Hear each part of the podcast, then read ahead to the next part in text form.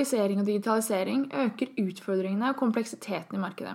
Viktigheten av innovasjon og disrupsjon blir stadig mer relevant. Endringstakten i bedrifter må økes. Men hvordan kan du lage de gode kundeopplevelsene, skape innovasjon og engasjerte ansatte, samtidig som man endrer seg? Hele 75% av nordmenn føler jo lite eller inget engasjement i jobben sin. I en undersøkelse fra Deloitte i 2017 så sier hele 94% at smidighet og samarbeid er kritiske faktorer for at deres organisasjon skal få suksess. Men kun 6% mener selv at de er smidige. Hva innebærer det egentlig å være en smidig organisasjon? Kan alle organisasjoner bli smidige? Dette og mer ønsker vi å diskutere gjennom Smidigpodden. Vi håper på å finne noen av svarene. Jeg heter Ida. Og jeg heter Tobias. Velkommen til Smidigpodden. Hei, og velkommen til episode 13 av Smidigpodden. I dag så snakker vi med Kristin og Gry fra Riks-TV. Vi skal snakke om hva en smidig-coach faktisk gjør. Og som dere vet, er det jo mange forskjellige måter å løse dette på, så det blir spennende å høre hvordan Kristin og Gry gjør det. God lytting! Velkommen til Smidigpodden, Kristin og Gry. Veldig hyggelig å ha dere på besøk. Hei. Veldig hyggelig å være her. Så bra. Vi sitter jo hos Riks-TV. Vi gjør det. Hos meg, holdt jeg på å si. Men ja. Ja, vi sitter hos dere. Dere jobber alle tre i Riks-TV. Det gjør vi. Ja. Kan dere kanskje starte med å fortelle litt om dere selv? Hvem dere er? Ja, jeg heter Gry og um, jobber som smidig coach i Riks-TV. Um, jeg har en litt sånn brokete fortid, kanskje. Uh, begynte utdanna meg innen økonomi og reiseliv og jobba noen år i reiselivsbransjen. Så ble det litt kjedelig, så da fikk jeg lov til å bli IT-konsulent. Det var veldig vanskelig, så da jobba jeg veldig mye noen år. Um, men etter jeg vet ikke, seks år eller noe sånt, så tenkte jeg at nei, jeg liker jo folk bedre enn maskiner. Så jeg tok prosjektledelse ved siden av jobb og ble prosjektleder. Og så da fra ja, 2007, da var jeg gått over til ERP-bransjen. Og da ble jeg da eh, prosjektleder for eh, plattformteamet der. Og vi begynte å jobbe smidig der i 2007, da. Så det var liksom min smidigreise begynte der. Og eh, siden da så har jeg fått lov å ha team i mange forskjellige land, og jobba innen mange forskjellige metodikker, egentlig. Smidige metodikker. Og også fått lov til å bo eh, to år i Polen, i Wrocław, og bygge opp en, være med å bygge opp en utviklingsavdeling der, da. Fra 18 til 200 stykker. Så det var veldig gøy. Spennende. Mm. Mm. Og så kom jeg hit for ja, nesten tre år siden. Mm. Og jeg heter Kristin. Jeg er også smidigård til Riks-TV. Og har også en litt sånn pussig start på arbeidslivet, holdt jeg på å si. Eh, studerte film og medievitenskap. Eh, og var veldig sånn brennende opptatt av å skulle jobbe med TV-produksjon. Og så snublet jeg litt inn i en sånn IT-prosjektlederrolle på et tidspunkt. Eh, egentlig brukte jeg utrolig mye energi på å ikke være prosjektleder. For jeg hadde så utrolig lyst til å jobbe med sånne kreative ting. Lage film og redigere og sånne ting. Uh, men da jeg fikk muligheten, så tenkte jeg OK, nå går vi all in. Utrolig forvirrende å ramle inn i sånn IT-verden. Uh, helt til jeg hadde en hadde en uh, veldig inspirerende kollega som overtalte ledelsen til å sende oss på scrum-kurs med Mike Cone. Og det var litt sånn mind-blowing for meg. Det der med at du kunne liksom bryte ned ting og levere ting smått. Det var bare sånn åpenbart eh, det smarteste du kunne gjøre. Så der startet min smidig-reise. Um, og så fortsatte den en liten tur til Uganda. Det selskapet hadde et datterselskap der. Og jobbet med egentlig å løfte prosjektledelsen og også jobbe med smidig der. Du trente i Scrum, gjorde du ikke det? Jo, det startet med at jeg var en uke i, eh, på kontoret i Uganda og holdt uh, Scrum og Jira-kurs. og så et år etter så dro jeg ned dit og jobba der et år, da. Uh, veldig kult. Og så kom jeg Jeg startet Riks-TV for et år siden. Mm. Og, du, og, og, du da, Gry, hvor lenge har du vært i Riks-TV? Jeg har vært der nå snart tre år. Mm. Så da jobber vi jo jeg jobber, eller begynte da, å jobbe på OTT Plattform, altså de som lager video- og strømmeplattformen til Riks-TV. Eh, og du Kristin jobber i Jobber med Stream og app-teamet, da. Ja. Og i dag så jobber jeg også med markedsteamet, så jeg er liksom litt overalt, kanskje. Mm. Mm. For du kunne kanskje si litt, eller dere si litt mer om hvordan dere jobber i Eller vi jobber i Riksdag, må jeg nesten si. Jeg stiller, spørsmål her som kanskje til dere har svaren på, men, men, det er jo ikke alle som, som kanskje har like dyp innsikt i hvordan ting er i Riks-TV som jeg, så det er jo kan jeg, kan jeg si litt, for Du var inne spennende der, Du var inne på først på plattform, og så nå er det marked. Det er jo ganske stort spenn og ganske forskjellige team og forskjellige Mm. områder. Altså, I Riks-TV, smidig for oss er ikke Det er ikke standup og eh, planleggingsmøter og retroer. Smidig er en måte å tilnærme seg problemer på, en måte å være på. Um, og det er det som gjør at vi kan bruke smidig-prinsippene overalt i hele organisasjonen. Og det er det vi egentlig eh, jobber med. Og vi smidig-coachene, vi eh, det er liksom forskjellig. Ja, team er på en reise, og det er forskjellig hva de trenger på de forskjellige tidspunktene. Så da prøver vi å bruke smidig-coachene litt sånn på tvers. Eh, og vi smidig-coachene er jo forskjellige, som dere hører, eh, og har forskjellige styrker. Eh, så bruker vi da den som kanskje passer best for det teamet, inn der. Så kan det hende at man etter hvert ser at teamet ikke klar, trenger så mye, så trekker man seg litt ut igjen og bruker heller mer tid andre steder. Men egentlig det, kanskje? Ja, så er det vel kanskje interessant å si noe om at teamstørrelsen, eller antallet team, har jo også endret seg en del i Riks-TV, så det har jo også kanskje vært en påvirkning på hvordan dere jobber òg. Ja, det er jo ganske mange flere team enn det er smidig-coacher. Mm. um, jeg har ikke akkurat tallene, men um, Men du er jo Altså, vi er vel smidig coach for like mange team nå. ja, jeg vil si fem team. Ja. Og så skal det jo også sies at vi endrer jo teamene også, bare for å Mm. gjøre det enda litt mer komplisert. Så er vi jo opptatt av å endre teamene etter hva, hva vi jobber med. Um, så da er det jo viktig at smidig-coachen også um, justerer litt måten de jobber med de forskjellige teamene på, da. Mm. Hvor mange coacher er dere i Rikstø? Syv. Men Vi eh, har fått et spørsmål fra Kristoffer Kristoffer på Instagram. Og han lurer på om dere har coachingkompetanse. Trenger en smidig coach å ha coachingkompetanse? Eh, jeg vil kanskje si at det å Altså servant leaders, I servant leadership så ligger det jo en del coaching, Mm. tenker jeg i hvert fall. Sånn, jeg har jo altså jeg har ikke noe sånn, Hvis han mener sånn livscoach, så har jeg ikke noen sertifisering innenfor det, eller noe sånt noe, men vi um, Jeg har en venninne som driver med sånt. Og når jeg snakker med henne om hvordan hun jobber, så ser jeg jo at det er veldig mye likt som det vi gjør. Altså den derre prøve å hjelpe folk til å finne de beste løsningene, til å bli bedre, til å ja, fokusere på det riktige, sånne ting. Det er jo det. Eh, vi gjør det jo både med folk og team, da, som kanskje er litt annerledes. Men eh, jeg Ja, OK, vi har ikke sånn bakgrunn, så vi syns ikke man trenger det for å være smidig coach. Men dere sa dere coacher både team og personer. Ja. Har dere personalansvar? Ja. kortsvaret. ja, og det er jo litt sånn uh, spesielt kanskje Riks... Eller jeg kjenner i hvert fall ikke til noen andre steder hvor uh, smidige coacher har personalansvar. Mm. Uh, men det er jo fordi vi Vi er jo utrolig opptatt av mennesker, da. og å spille folk gode. Mm. Eh, Og det er så for oss gir det mening. Men den todelte lederskapet som vi har hatt en god stund nå, det er jo da at det er ett team har én effekteier, altså product owner, kan du si, og så har den én smidig coach. Så effekteieren er da ansvarlig for eh, produktet, strategien og sånt noe. Smidig-coachen er ansvarlig for folk, kultur, prosess. Eh, Det vi mener er at det er ikke nødvendigvis sånn at den som er god på strategi og produkt, er den som er kanskje best på mennesket. Mm. Så eh, for å sikre denne her kontinuerlige læringen og sikre det fokuset, så har vi valgt å ha todelt lederskap. Eh, For dere er inne på noe der. Det kunne jo kanskje interessant å si litt om det. At vi er jo så eh, vi var, det, vi, var, det, det jeg prøver å si, egentlig, at vi har vært innom at det er ganske mye endring. Vi endrer på teamen.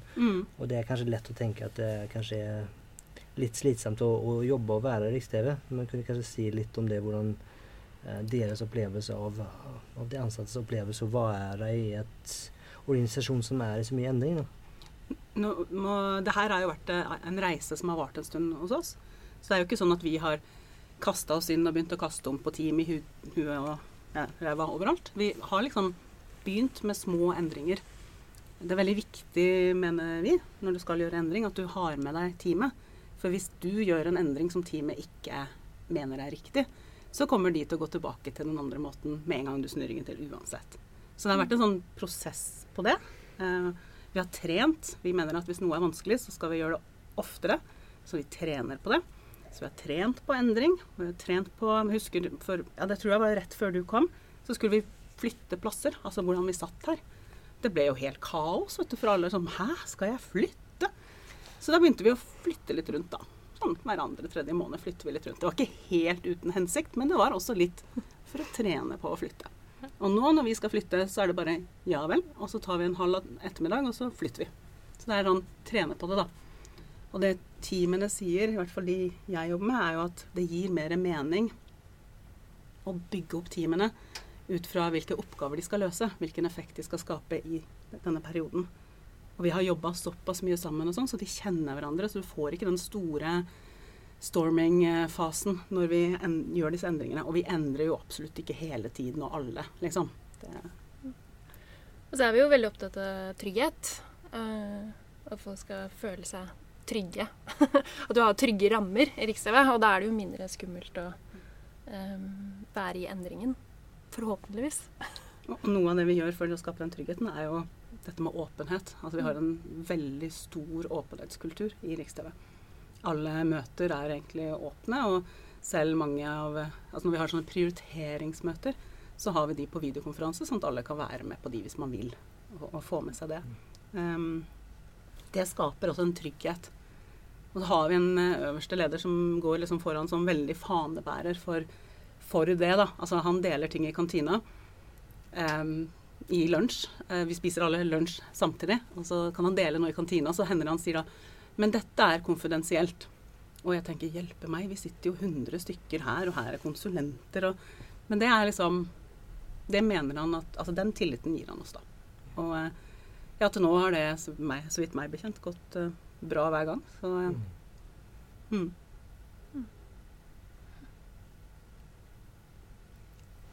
Men jeg kan jo se for meg at det må ha vært kanskje litt annerledes å starte i Riks-TV fra andre steder dere kommer fra. Både fordi dere har vært i andre land, men også fordi Riks-TV kanskje, som vi har snakket om nå, gjør ting på en litt annen måte.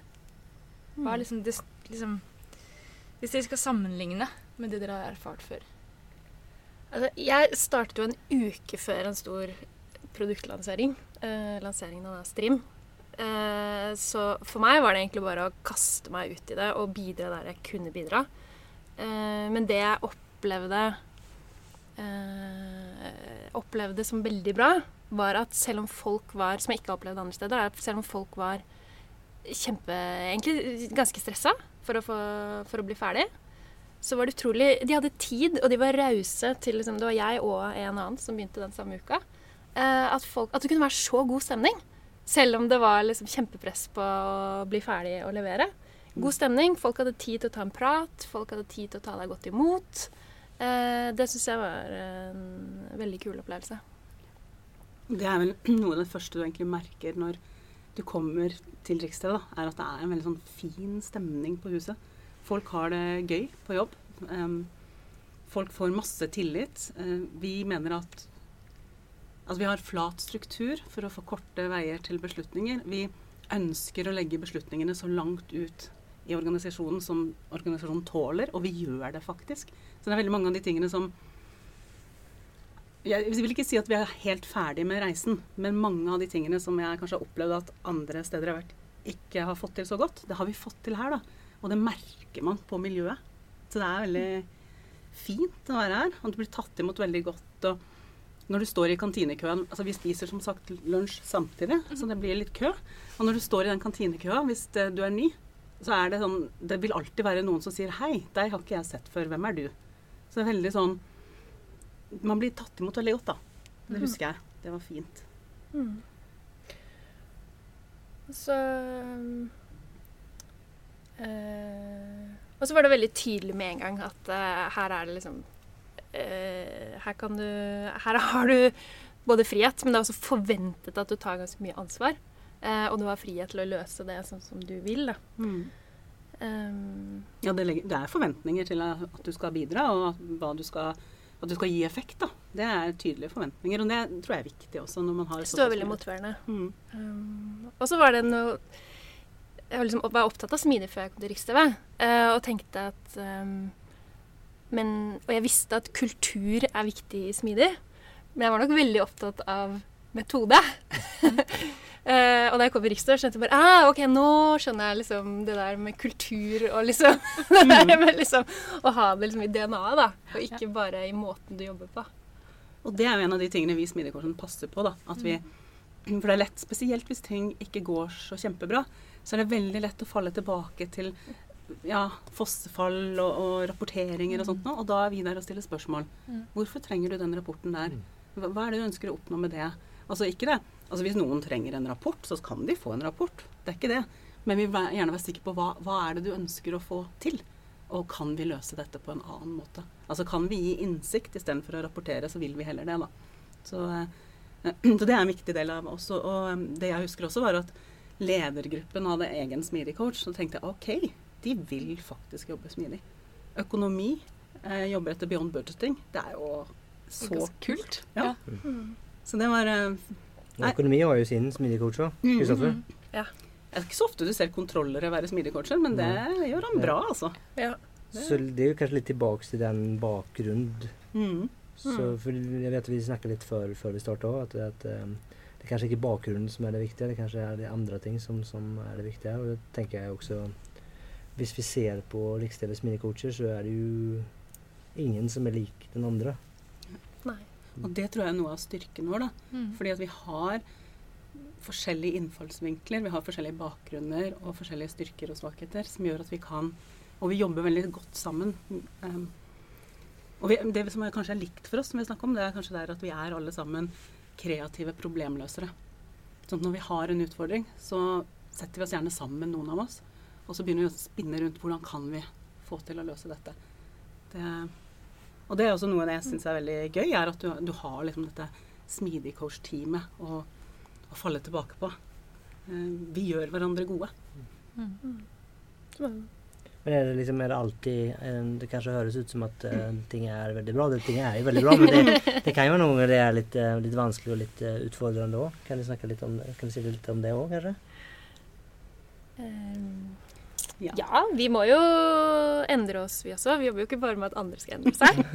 Eh, så noen ganger får man jo ordentlig kjenne på kroppen selv at man må endre seg. Mm. Eh, og det er skikkelig sunt. Um, det er ikke noen gode eksempler akkurat nå. men- Ja, for meg eksempel er jo Jeg kom jo hit og jobba med plattform. Og jeg identifiserer meg egentlig ganske mye eh, med plattform. Og når jeg da blir utfordret på at ja, men nå skal du over på kommers, så ble det sånn OK, dette kan jeg ikke helt. Ja vel. Og så da må jeg liksom jobbe litt med meg selv for å se hva er det jeg kan ha, som, kan, som jeg kan tilføre til de, da. Um, så det er klart det er sånn personlig utfordrende, og så er det også utfordrende Det hender jo at man har Man vil for mye samtidig. Jeg? Tenkte på akkurat det samme! Ordrett det jeg hørte oppi hodet mitt. Så bra. Nei, men det er jo det, da. Ikke sant? Så hvordan klarer du å eh, få coacha både ledere og, og team til å ja, få ting mindre, få det gjennom fortere, altså få effekten ut for raskere, eh, teste, lære, sånne ting som kan være vanskelig. Og så er det en del som tenker at vi kan ikke jobbe smidig, for det pleier ikke vi å gjøre. Og da må du liksom jobbe med, med Da er det ofte sånn én til én, da. Jobbe litt med hva er det egentlig å være smidig? Hva er det du tenker er vanskelig rundt å være smidig? Og hva er det negative? Altså, du må liksom skape ønske om endring, da. Mm. Så, Så er det jo vanvittig mye engasjement. Eh, og det er mye eh, Det er mye sånn lidenskap og engasjement. Og det å eh, da klare å liksom eh, få, Som du sier, da, man vil så mye på en gang. Så det å klare å liksom prioritere og samle oss om de viktigste tingene, det kan være utfordrende. Mm. Coacher dere hverandre? altså, vi sier nok ikke Nå skal vi liksom Nå Det- skal vi coache. men, men vi gjør jo det med at vi, vi snakker sammen. Mm.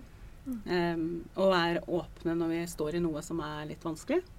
Hvordan vi skal løse det. Så eh, snakker vi sammen. Så ja, jeg vil si vi coacher hverandre. Ja, jeg vil si Nå Nu var det vel en stund siden sist men vi har jo vært en periode var vi ganske flinke med å holde retro for hverandres team og den type ting òg. Og da er det jo, kan man jo måtte... Mm. Ja, Einar gjør det for ene teamet mitt Mm, hele Og da kan du gi feedback på, på, på type sånne ting, og fasilitering og andre ting. Da, at du ser hvordan Mm. annen gjør, både lære av det, men også gi feedback på det. Mm. Men um, hvis dere skal beskrive en arbeidsdag eller en uke En typisk Eh, Meget varierende, vil jeg, vil jeg starte med å si. Ja. Men OK, uke er litt enklere, da. For det er jo noen um, seremonier, f.eks. Uh, det er jo det som er enklest å forholde seg til. Det er noen ting som er fast. Mm. Um, nå, jeg vet ikke om jeg nevnte det. Nå er jeg, for tiden så er jeg involvert i fem team, så jeg er jo ikke med i alle seremonier i alle team. Um, det er litt varierende. Det er også veldig flinke folk, så de klarer seg veldig fint uten meg, ofte. Um, så det er én ting. Mhm. Uh, så kan det være Litt fasilitering. Det er Ja. alltid litt fasilitering i løpet av uka. alltid en workshop Mm. Alltid en workshop, ja. og eh, så er det jo det med Vi har jo personalansvar, så det er jo også litt uh, coaching der. Um, Og uforutsette ting. Det er det jo alltid mye av. Det er jo Noe av det viktigste vi gjør, er jo å mm. ta tak i utfordringer. Mm. Og de er jo ikke veldig vanskelig å planlegge utfordringer. Så de må du liksom bare ta når de kommer. Så er det vel vi som er Vi er på en måte bindeleddet mellom team, da, for å sikre kommunikasjon mellom team. Så hvis noe skjer i et av de teamene jeg er inne, og de trenger noe fra et annet team, så er det ofte at jeg enten gjør den kommunikasjonen, eller i hvert fall oppfordrer til den. Altså ser til at den blir gjort, kan du si. Eh, at vi passer på at det er kommunikasjon på tvers eh, der vi trenger det. da. Og det trenger vi jo ganske ofte, egentlig. Så, og også opp mot eh, lederne, altså ledergruppen, og, eh, og til effektherrene. Så det er mye kommunikasjon der. Og vi coacher jo også Sånn som jeg er inne og coacher en mellom, gruppe av mellomledere. På hvordan de jobber sammen, og hvordan de skal jobbe med sine team. Så, og det er faktisk noe som Kristin og jeg har diskutert. At det er noe av det viktigste vi gjør, egentlig. Mm. det å coache lederne og, og ledergruppene. Fordi vi har jo lært på kurs. Å ja. Eh, prøver Gry å være veldig inkluderende. Ja, jeg gjør det. Eh, nei, vi har jo lært at en organisasjon kan ikke være mer moden enn lederne i den. Mm. Ja. Ja. Så dermed så er liksom, nå er vi på et nivå Vi vi har ganske høy modenhet på en del team. Ikke alle team, men, men en god del av våre team har høy modenhet. det vil jeg si. Mm. Og da ser vi at uh, nå kan vi jobbe med å løfte lederne enda høyere for å få med oss resten av organisasjonen etterpå. Mm. Så det er veldig moro. Mm. En annen ting som vi ikke må glemme, øh, som vi gjør, er øh, at annenhver torsdag så deler vi eh, kunnskap innad i Smidig coach-gruppa. Vi har kompetansedeling. Ja. Det gjør vi. Mm. Så har vi en Smidig coach-synk en gang i uka. Mm. Da møtes vi av og til på Kaffebrenneriet på Hasle. Starter vi dagen der. eh, drikker en kaffe, eh, prater om utfordringer og eh, hva vi jobber med for tiden. Mm. Og hjelper hverandre.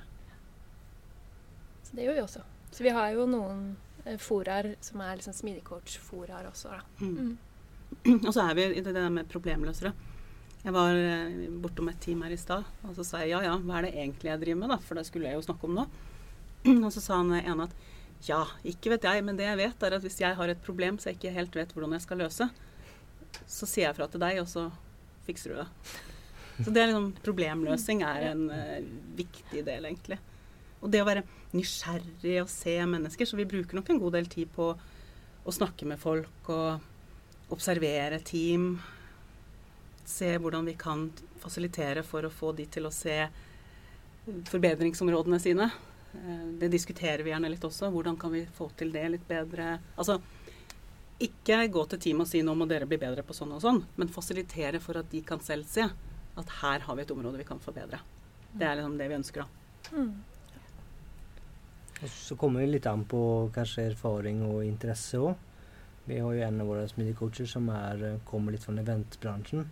Så hun jobber jo litt mer med de bitene. Um, så vi har jo arrangert, for kanskje få ønsket å um, få til litt forskjellige ting, så har vi jo hatt et uh, kundefokusdag. Der alle har vært og besøkt kunder på en eller annen måte. Og så hackathon har vi hatt noen stykker. Så det, har vært en, ja, så det er litt sånne Hva skal jeg kalle det? Pop-up-eventer, kan man kalle det. Som, som dukker opp litt i, i ny og ne òg. Men da, da har du en annen svingekort med bakgrunn fra event, eventer. Mm. Så dere har jo ganske ulik bakgrunn. Mm. Så har dere ulikt liksom, Hvordan er ansvaret Hva er oppgaven deres? Er det veldig forskjellig? Eller liksom, gjør alle smidig-coacher det samme, bare med ulike team? Altså, vi, vi gjør nok ikke det samme, Nei. men vi har lik stillingsbeskrivelse. Mm. Men det er jo hvordan du tilnærmer deg oppgaven, vil jo være Mm. forskjellig. Mm. Eh, Så noen ting gjør vi likt, og vi, og vi prøver å lære av hverandre. da. Mm. Så hvis noen gjør noe som fungerer bra, så hvis Kristin gjør noe som fungerer bra, så er det veldig sannsynlig at jeg tester ut det Mm. i, i et av mine team. Så mye sånn test og læring på det også. Um, men vi har samme ansvarsområdene og, og stillingsbeskrivelser og sånt. Det har vi. Mm. Men f.eks. nå som uh, Linda, som er denne smidig-coachen med super eventerfaring, har vært på permisjon, har jeg prøvd meg på litt eventplanlegging. Jeg er utrolig lykkelig for at hun er tilbake og kan bidra. Så det handler jo om å både eh, Ja. Vi kan jo også liksom eh, hjelpe hverandre også, men eh, Men dra er- på hverandres ja. styrker, da. Jeg er jo synes Generelt i Riks-TV så er det kanskje mer fokus på interesse, kompetanse og erfaring enn stillingsbeskrivelse. Så du ønsker kanskje å få folk å bidra der de kan bidra best på de tingene som er viktigst i enhver tid. Og det varierer jo ganske mye gjennom både uka og året. Eh, Så derfor så blir ting ganske varierende av den grunn, da. Mm. Jeg pleier å si at det eneste som er helt eh, fast i Riks-TV, er at ingenting eh, stays fast, liksom. Altså du, du kommer til å måtte endre uansett. Vi endrer hele tiden. Mm. Fordi at vi, og det gjør endring ufarlig, forresten. For at vi endrer bare lite grann. Og teamene vet at hvis denne endringen ikke funker, ja, men så slutter vi med det, da. Så de vet at vi, de tør. Fordi at de kan få lov å si 'det her funker ikke for meg'. Og så endrer vi det igjen. Så det er bare Og det Ja. tror jeg har vært litt nøkkelen med den eh, fysiske lokasjonen eller omplasseringen som vi snakket om tidligere òg. At, at er du ikke fornøyd med plassen din, så trenger du ikke å oroe deg over det, for du vil snart få en ny uansett. Så det er liksom Det er sant. Men det er jo også litt for de der teamendringene og sånn, at vi har sett at det funka godt å sitte i nærheten av de du skal jobbe tett med. Altså, da blir det litt mer flytting, da. Så, Mm. ja. Sitting er også med på å påvirke hvordan vi samarbeider og jobber Mm. sammen, helt klart. Vi har fått uh, noen flere spørsmål også, bl.a. fra Rasmus. Uh, han lurer litt på dette om han er fulltid på et team. Og det kan dere jo umulig være. Med mindre dere har veldig mange flere timer i døgnet enn resten av oss. Vi er ikke det, i hvert fall. Nei. Jeg vet ikke, jeg tror ikke det er Jo, Kristoffer er vel- han vel ett team. eh, Men han jobber jo også som kontroller. mm. Ja. Så, så det er ingen som bruker 100% stilling på ett team, nei. Nei. Det er det ikke. Men vi har jo begge to vært fulltid på Ja. Man kan diskutere om det er ett team, for det var ganske mye mennesker på disse teamene. Så det er jo en utvikling som har vært. Vi har hatt uh, mer fulltid på team tidligere. Mm. Men det kan man jo si at generelt så har vi jo jobba ganske mye i det siste med å gjøre organisasjonen mer dynamisk. Og da har vi også frikobla også mellomlederne litt fra den organisasjonen, sånn at det er enklere å endre på ting og flytte på ting og prioritere annerledes når det ikke ting er så hardt koblet sammen. Mm. Hvis hadde vi fått noen flere spørsmål der? Jeg hadde det. Eller vi har det. Eh, og eh, Rasmus lurer også på hvilke andre roller som fins. Dere har nevnt effekteier. Mm. Ja. Og effekteier er jo da Gry var jo inne på todelt ledelse, eller to Mm. typer ledelse. Hvor effekteierne er eh, veldig gode på å sette mål. Eh, de er gode på å prioritere, og de er gode på strategi. Um, og så jobber jo vi da med folk og prosesser og kultur. Mm. Um, så effekteier er jo en annen rolle. Men du er så- enten så er du effekter, smidig coach, eller teammedlem. Ja. Men kan dere komme i den situasjonen hvor um, målet til effekteieren kommer i konflikt med det dere ønsker for teamet? Målet til effekteieren er jo produktmål. Ja. Um, så han eller hun sier hva de ønsker, og hvorfor. Og dette skal jo være innsiktsdrevet, så det skal ikke være sånn magefølelse en eller annen effekt jeg kaster ut, liksom. Og da har jo også teamet gjerne vært med i den eh, fasen med å få den innsikten, da. Så sånn sett så har du på en måte teamet med deg allerede på at Mm. dette er viktig. Og vi ønsker ikke produktting, men det som kan komme i konflikt, er jo hvis vi sitter og ser på teknisk gjeld som øker, eh, og de ønsker nye features. Da kan det bli en konflikt. Men det har vi løst med at vi, vel, vi snakker om det, da. Og eh, jeg på plattform med, med, med Niklas, han, han er sjef for plattform, og det er jeg også. Så han bestemmer ikke over meg, og jeg bestemmer ikke over han. Så vi må bli enige.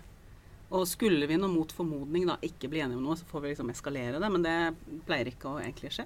Og så har vi et, par, eh, et møte hver mandag som eh, er litt sånn hvor vi snakker produkt teknisk. Og der snakker vi også om teknisk gjeld, så da løfter vi det ut til alle eh, effekteiere og smidigcoacher som har tekniske team, da. Men sånn rent, rent teoretisk så skulle man jo tenke at det kunne komme i en situasjon der man er så opptatt av produkt som man glemmer folka. da. Mm. Nå opplever jeg ikke at det er, har noensinne vært et problem med Riks-TV, men det kunne jo vært det der. og det er Mm. kanskje litt en, Men det ønsker man kanskje få litt sånn hva skal si, tension, og, og liksom få en balanserende effekt ut av av to ledere. Fordi det er ofte den um, Det jeg får tilbake som argument da, når jeg diskuterer todelt ledelse med noen. Og det er at ja, men det kommer ikke til å fungere i praksis. Fordi at du har en som fokuserer på mål, og de vil alltid pushe de ansatte så mye de bare klarer. Og så vil du da ha en som er ansvarlig for de ansatte, som vil holde mer igjen. da. Og se kanskje mer det store bildet. Men hvis du jobber smidig, så er jo det er jo Du skal jo ikke pushe masse jobb på teamet ditt. Altså For det første så er det jo pull og ikke push. Mm. Eh, sånn at da snakker vi hvilken effekt er det du ønsker å oppnå ved å gjøre dette. Så må du coache effekteieren, da. Um, så det er jo mye dialog, selvfølgelig. Åpenhet og Og så tror jeg altså de effekterne her hos oss, de Vi kurser jo de også i hvordan det er å jobbe smidig, så de vet jo det. Mm. Og, og det hjelper jo selvfølgelig på. Og så har de vel sett at det ikke nytter, da. Altså du får ikke noe mer ut av teamet av å pushe mer på de, liksom. Det, det hjelper Mm. ingenting. Så Nei, og så pusher vi jo også på å prioritere. Eller det er jo opplever jeg det alle i Rikstv, og både effekteiere og smidigcoacher og, og team er opptatt av at vi jobber prioritert. Um, og da, så lenge du jobber på det viktigste, så Og egentlig så har du jo det samme sånn som tidligere hvor jeg jobba som prosjektleder. Eh, så var det jo også product owners der. Så det var egentlig samme dynamikken. Mm. Eh, og da var det noen som sa men dette går ikke fordi at eh, product ownerne er over eh, prosjektlederne. Og noen ganger ble det vanskelig pga. det. Men nå når du da har balansert det, og de ligger likt, så er det ikke noe hierarki som skulle tilsi noe annet enn at vi må rett og slett bare bli enige. Og det prøver vel også at de fleste å få Vi ønsker at folk løser sine egne problemer, for å si det Mm. sånn. Så det er jo oftest ikke at det det er ikke at det liksom eskalerer eller blir noe greier ut av det heller. Og syns jeg jo eh, de fleste teammedlemmer i Riks-TV er veldig gode til å si fra. Eh, når det er noe som ikke Hvis noen prøver å presse på en altfor stor workload, så um, syns jeg folk er flinke til å rope opp. Det går jo litt på den tilliten og åpenheten og sånt også, egentlig. At man kan, man kan si fra, da. Mm. Og det er jo også sånn at det som kanskje jeg syns er passe mengde arbeid for meg, eh, hvis eh, en annen skulle hatt den mengden, så kunne det hende at det var altfor lite eller for mye. Så jeg har jo forskjellig kapasitet og sånn også. Så det blir litt sånn opp til person og team å si fra også. Vi har snakket litt om eh, at en smidig coach må ha riktig mindset. For Rasmus lurer litt på hvilken bakgrunn en smidig coach bør ha.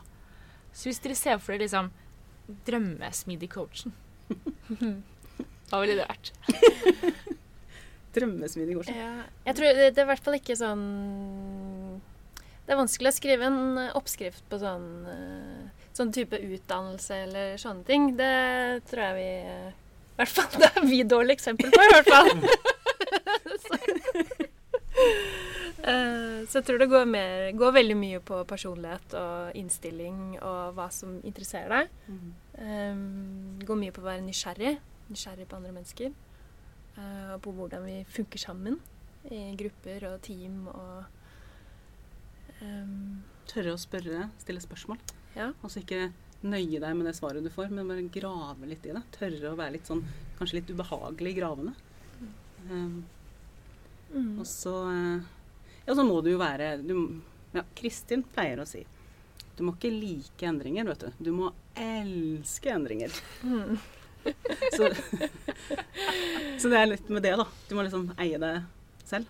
Og så jeg, Du bør ha evnen til å fullføre ting. Og du bør Det er i hvert fall en fordel om du har en litt sånn naturlig autoritet i deg. Altså, vi jobber tjenesteytende lederskap, så du skal ikke være top dog eller noe sånt. Men at folk naturlig lytter til deg, eh, gjør det enklere, da. Mm. Så er det dette med liksom coachene Være litt sånn coachende i stilen din. Mm. Det er også nyttig å ha med. For det vi gjør vet du, hver dag, det vi gjør, egentlig så tilrettelegger vi for det meste. Altså vi, vi gjør ikke så masse sånn egentlig, vi tilrettelegger. Så da må du være fornøyd med at du har utført noen den dagen ved at noen andre har fått gjort noe. Ikke sant? Du kan ikke måtte være den at jeg har vært nødt til å løse en oppgave for å ha klart at dagen min har vært fin. For at din oppgave den dagen kan hende kanskje bare vært å coache dette teamet til å klare å komme til neste nivå, eller til å klare å fullføre noe. eller til, ikke sant? Så du må liksom kunne se glede i å utføre arbeidet ditt gjennom andre. Mm. Det var veldig fin eh, Det var siste. fint. Ja. Hvis vi skulle liksom oppsummere én setning, så kanskje vi kunne si det. Men det er også en annen ting, det der med at den nysgjerrigheten som vi prater om, Kristin. Ja. At, at det må være en sånn positivitet i den nysgjerrigheten. Du kan ikke liksom gå rundt og være megga som er sur og lurer på 'hallo', liksom. For innstillinga di er nemlig sånn at alle sammen kommer på jobb, i hvert fall de aller, aller fleste, kommer på jobb med et ønske om å gjøre en god jobb. Altså, folk gjør det. Og vi er til for å hjelpe de til å gjøre en god jobb, og så en bedre jobb, og en enda bedre jobb. Det er det vi driver med, liksom. Mm. Og du kan være ingeniør, eller du kan være kokk, eller du kan være hva som helst i bakgrunnen. Det er, liksom, det er ikke det som er viktig. Det er hvordan du er. Mm. Så det er kjempeviktig å tørre å ehm, Eller sånn fasilitere den organiske utviklingen, da. Eh, og at du tør noen ganger å la ting eh, utvikle seg uten at du selv har kontroll på det. Eh, det kan skje veldig mange fine ting eh, som kommer helt organisk eh, i en organisasjon.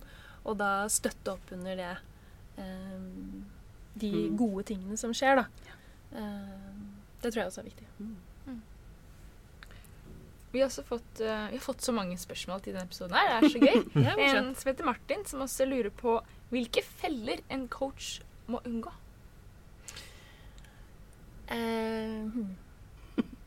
Det er jo Jeg tror kanskje den Kanskje det viktigste er å ikke prøve å løse alt selv. Eh, eller hvis du ser et eh, eh, Eller f.eks. hvis du ser en oppgave som ikke blir tatt tak i. eh, unngå fristelse å liksom bare gjøre det selv. Eh, men prøve å finne de underliggende årsakene til at den ikke blir gjort. Altså gjøre noe med prosessene rundt. Eh, det tror jeg kan være en typisk ting.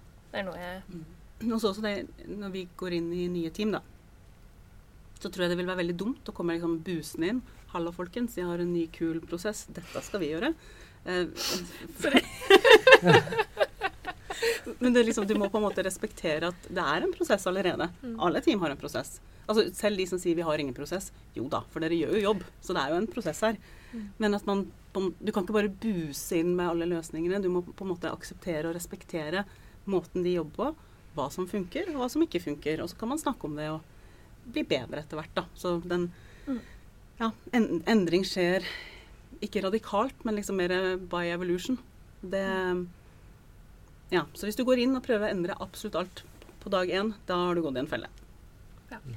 Og det er vel det man sier eller, på dette Kanban-kurset vi har vært på. Start med å visualisere det du har, Mm. eh, og jobb derfra. Jeg har jo en, en ting til. Jeg litt tilbake til det du sa, Kristin. At når du begynte i Riks-TV, så tenkte du at kanskje det var mer metodikk. Eh, og så skjønte du etter hvert at det var mer og mer kultur. Og jeg, kanskje, det tenker jeg er noe der. Hvis du prøver å hva si, eh, tvinge alle inn i en metodikk eller et eller annet, så tenker jeg at du har litt feil utgangspunkt. da. At du skal prøve å liksom slå alt med den scrum-hammeren, det blir oftest ikke særlig bra. Ja, For det er jo sånn at folk er forskjellige, og oppgavene de løser er forskjellige. Så da må man være smidig nok til å kunne se på hvilken prosess funker for dette teamet. Da. Mm. Og det er ikke sikkert at den prosessen er tegnet ned i en bok et sted. kan hende du må Mm. finne på den helt selv. All right. Men nå, for de som lytter sånn med en gang episoden blir sluppet, så kommer liksom rosinen i pølsa nå. Og det er jo at Riks-TV er på utkikk etter en ny smidig coach. Mm. Ja. Ikke sant? Ta-da! Så hvis du er den drømmecoachen som du har snakket om, Ja, da må du ta kontakt. Ja. Mm. Ja. tenker jeg. Vi gleder oss skikkelig til å få en ny eh, Mm. eh, coach i gjengen. Kan dere se litt om det? Si litt om uh, hva dere tenker der? og hva som er, vi, vi har jo vært i- touchet innom det i litt i forskjellige vinkler, men kanskje liksom i den konteksten? Um, Men det er jo altså Vi har jo på en måte pratet litt om det, men det er at vi vil ha noen som evner å se folk, som er nysgjerrig, som elsker endring. Um, du må være glad i å jobbe med mennesker. ja, det er liksom Du må like mennesker. Ja, Ellers så Ja. Også dette med problemløsing. Altså du må være glad i å hjelpe til å løse problemer, da. Um, Og så kan du gjerne ha eh, kan gjerne ha spisskompetanse på et eller annet. Um, må ikke det. Men Mm. uh, ja. Um, ja. På et eller annet så er det så er liksom ikke hva som helst i hele verden. et eller annet innen smidig. God på fotball. Men Ja, vi har jo fotballag, så for all del, det er bare fint. Nei, men ehm, det er noe med det derre å, å kunne jobbe med i team, da. Ja. Både smidig coach-teamet, i leder, eh, mellomlederteamet, i eh, utviklingsteam og andre team på huset, og Riks-TV-teamet, liksom. Du må Ja. Her, I Riks-TV så løper du ikke alene. Vi løper eh, sammen. Og ja, jeg er det viktig å finne en person som eh, kan være amb- ambisiøs også. Ikke, altså ambisiøs på Riks-TV sine vegne mm. også, da. Det føler jeg du finner mye av i Riks-TV. Vi vil gjerne ha flere folk som er det. Ja. Du kan være en ambassadør. Det er så fint. Nå har du mange ting. Ja. Noe du vil legge til? Nei, jeg syns vi har vært inne på, på veldig mye her, og jeg tror vel kanskje det er um, Det tror jeg man kanskje får med seg, men at i, eh, i Riks-TV så er det mye som er, er, mulig, men det krever litt av de ansatte òg. At du må liksom komme inn med, med driv og et engasjement og kanskje sette litt din egen hverdag, din egen retning. At det liksom er mer opp til deg enn nødvendigvis stillingstittelen eller stillingsbeskrivelsen som sådan. Ja, det, det Mm, Og det, og det er litt sånn utfordringen også med det at det er såpass For det første så er det mye tillit og rom til å forme stillingen din, men det betyr også at du må faktisk evne å gjøre dette selv. da. Ta Mm. tak i det og gjøre det. Og ha Mm. lyst til det. Ha et sånn, ja, som du sier, driv. Mm. Jeg er enig i det. Og så må du være hyggelig, for du skal jobbe med oss. Ja. Men du trenger ikke være lik oss. Du kan gjerne Nei, nei, må ha helt andre tanker og utfordre. Det er kjempegøy. Ja. Ja, ja, ja. Nesten heller det. Ja. ja. Nesten heller Ja. Mm. Yes. Skal vi begynne å runde av, kanskje? Ja. Vi har jo fem spørsmål som vi stiller alle på slutten. Det var tre, så ble det fem. Nå er det fem. Nå er det fem. Hva kommer det til å være neste gang? Nei, vi har- nå har vi hatt det andre gangen vi var fem, så det tror jeg Ok, så da er vi på fem. Så Vi prøver å holde oss på fem. Mm. Um, hvis vi tar det første først, da, så kan du liksom svare på det en, samtidig. Ikke samtidig, kanskje, men sånn. Ja, dere skjønner. Eh, hva ville dere fortalt 25 år gamle eh, deg? Dere. Oi. eh, jeg tror ehm, eh, Jeg jeg skulle egentlig gjerne at 25 år gamle meg kunne si noe til 34 år gamle meg. jeg tror eh, 25 år gamle Kristin hadde hatt mye fornuftig å si. Eh, men jeg tror jeg hadde sagt noe om at, eh, at all den erfaringen du All erfaring er nyttig erfaring. Jeg var veldig sånn forvirra og gjorde veldig mye, var litt all over the place. Men akkurat altså, nå er jeg jo kjempeglad for at jeg opplevde veldig mye rart og veldig mye forskjellig. Og Mm. hadde utrolig mye rare deltidsjobber. Mm. Mm. tror tror jeg det. Mens jeg var nok en litt sånn eh, perfeksjonist, tenker jeg. Um, snill pike, flink pike, alt dette her. Så um, jeg tror jeg ville sagt noe sånt som at 80% er godt nok. Ikke brekk nakken på de siste 20. Veldig bra. Veldig bra. Jeg elsker 80-20-regelen. Ja, jeg òg. Skulle bare visst det når du var 25. Ja. Hva mener dere kjennetegner en god leder? Ja, vi har litt om altså, Ja. Det vi driver med, er jo ledelse. Så det er jo det vi ønsker oss. ikke sant? Vi ønsker en som gir rom. En som eh, har tillit til oss. Og, og som er på vår side. Eh, sånn at altså, kan stå i konflikt på din side. Det er viktig. Selv om man er uenig, selv om vi har gjort noe feil. Mm. Og hun sjefen er litt sånn Guri malla, det her burde du nå ikke ha gjort. Så skal du stå på min side, liksom. Det, det må Mm. vi være trygge på, tenker Ja. jeg. For da er det trygt å gjøre feil. Mm. Eh, og når du ikke er redd for å gjøre feil, da får du utrettet veldig mye mer. Nettopp. Mm. Og så det der med at man føler at det er noe ekte i det. Altså Ja. Og det, og det derre Tørre å gå i, være i konflikt. Altså noen ganger så oppstår det noe konflikt. Og da vil jeg at sjefen skal kunne stå i det. Mm. Mm. Og ellers ikke vær så Ikke henge over meg, liksom. så gi rom er veldig viktig for meg. Tør jeg spørre hvorvidt jeg stiller på de eh, Ja, jeg syns det stiller bra. Mm. Og hvis du ikke gjør det, så, så coacher vi deg også, ikke sant? så det går fint. Jeg husker fortsatt eh, en av de første samtalene jeg starta her, hvor jeg sa var det Jeg bryr meg ikke om når du kommer på jobb, så lenge du gjør jobben din, eller et eller annet. Det var masse frihet Det er med en veldig mye gang. tillit til den. Tillit og frihet. Ja. Det viktigste er at man viser det. Mm. Hvis dere skal gi noen tips til de som ønsker å etablere en smidig kultur, eller en mer smidig kultur Hva vil det være? Vi har jo vært inne på det, Mm. at eh, det er viktig at du har en Du har ledere som er eh, lever smidig. Så hvis du har ambisjoner for hele organisasjonen, ehm, ønsker at den skal være mer smidig, så jobb med ledelsen. Og hvis det er litt sånn overveldende og stort, så kan du jo går det altså an å jobbe i det små. Uh, Mm. jeg har eh, hatt, eh, jobbet på mange prosjekter hvor du har hatt rammer som kanskje gjør at du føler at du ikke kan jobbe smidig. Men uh, du kan det. Du må bare bryte det ned i, i mindre Altså lag en liste over alt som gjør at du ikke kan jobbe smidig, og så eh, jobber du med de ene etter en. Um, Så egentlig altså, jobb, jobb smidig innenfor de rammene du har. mm. Og så prøver du underveis å påvirke de ikke-smidige eh, omgivelsene. Da. Mm. Eh, for eksempel, hvis de ber om en rapport, da, så, ja, men så gir du dem den rapporten. Men så jobber du med å vise at innsikt kan gjøre at du ikke trenger den rapporten. ikke sant? Og så Helst så lager du sånn skikkelig bra smidig team. som Sjefer er ikke dumme, vet du. Så når de ser at du har et sånn skikkelig bra smidig team, så blir det litt sånn Hm, kanskje vi skulle ha sett litt mer på dette? Og så sprer det seg, da. Så, men ikke, ikke få sånn ja, som du sa, hvis du så går til ledergruppen og du får ordentlig sånn Nei, det skal vi ikke.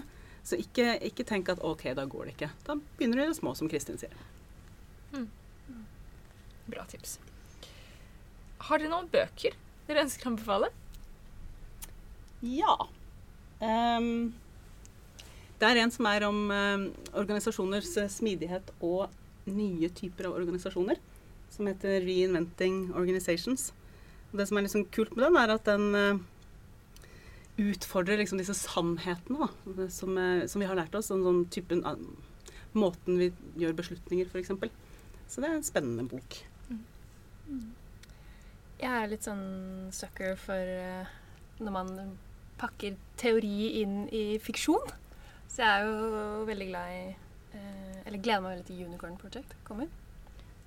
Um, ellers er jeg også veldig glad i å finne, lese bøker som gjør at du ser ting fra en nytt perspektiv. Så ikke nødvendigvis alltid lese om smidig ledelse, men Eh, så jeg kan anbefale en bok som heter Ikigai, som handler om eh, em, Det er en bok som handler Det er et japansk konsept om å finne meningen med livet, egentlig.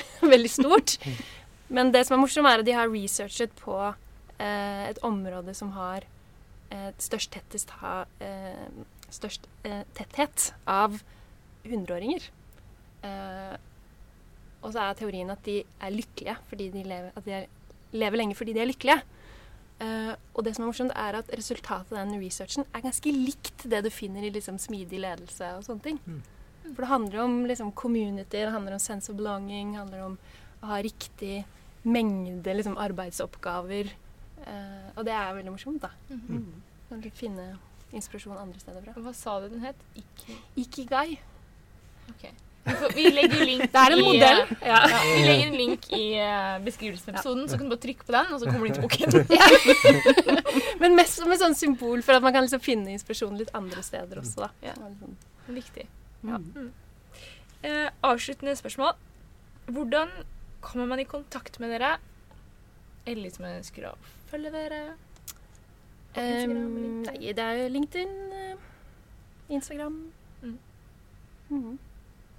Vel, ja. Kan man Om sende dere en mail hvis man lurer på Ja, det kan man også. Om Ja, smidig? da, mail. Eller om noe Eller om Ja, hva som helst. Det går helt fint. Vi kan coache på hva som er. Det kan vi ikke. Men ja, det er bare mail og eh, ja. Vi er jo på Slack, og vi er jo på eh, litt sånn smidige fora i Slack og sånne ting også, så man kan kanskje finne oss. Mm. Smidig. LinkedIn, Smidigalliansen, ja. Ja. Vi kan sikkert legge ved noe, um, noe LinkedIn-lenker, i hvert fall. Mm. Ja. Det er kanskje en god start. Det er en god start. Ja. Så må vi jo oppfordre folk til å søke på denne jobben. Da. det er skikkelig gøy å jobbe i Riks-TV. Hvor kan man finne stillingsannonsen? På Finn, På kanskje? ja. På. Finn, ja. Også Ja. på LinkedIn og eh, Enklest er vel kanskje Finn, bare søke på Riks-TV. Ja da. Det, vi er ikke så store, vi er ikke så mange stillinger ute. Så det, er- Nei, jeg tror det er to. Ja, så det er vel en av de to der ute som, som ligger ute, som du finner. Ja. Så bare å ta- ta kontakt hvis det er noe Mm. man lurer på. For det kan man også kanskje si, at eh, hvis man eh, lurer på hvordan det er å jobbe i Riks-TV, så kan man jo høre på denne episoden, men man kan jo også ta kontakt med f.eks. Gry eller Kristin, eller noen annen som jobber i Riks-TV, og høre hva de har å si. For det er ikke, hvis man ikke tror på oss, så kan man jo prate med noen annen, Mm. kanskje. Og ellers så er vi veldig glad i å få besøk, og da kan man komme og spise lunsj med oss. Få en liten rundtur og Mm. kanskje få snakke med folk som har den type jobb som, som du driver med, for å få litt mer innblikk i hvordan er det faktisk her. Jeg er her titt og stadig, og jeg syns det er så koselig. I dag, i, i, I dag fikk du en kaffe med en sånn fjelltopp på. Ja, glittertrinnkaffe. Glittertrinn. Ja. Og den er fin! Så det, Det er, det er Gry sin favoritt òg. Ja, og og den ser jo så god ut òg. den Den er jo helt ja. Jeg aner ikke hva dere snakker om. Det er den nye kaffemaskinen. Oh, Cappuccino glittertinn. Skjønner. Mm. Så om ikke annet så må dere komme hit for å prøve cappuccino glittertrinn. Det er sant. eller kan du gjøre som meg, og ta, eller meg og Kristin og ta en sort kaffe. Det er Ja. fint. Det trenger ikke være fancy. Jeg er usikker, usikker. Ja, det går for glittertinn også. Det er en opplevelse. Yes, nei, men jeg tenker at vi runder av der og sier uh, takk for oss og takk for denne Ja, episoden. Og takk takk. til uh, Gry og Kristin. Tusen takk for at jeg ville komme. Takk for at Vi vi fikk fikk komme. være med. Er det noe siste dere vil legge til? Som dere har Du kan ikke si at det er de fem siste spørsmålene, og så skal jeg ha et spørsmål til. Da Nei, okay. ok. fa- fallerer hele poenget. Takk for besøket! Ha det bra!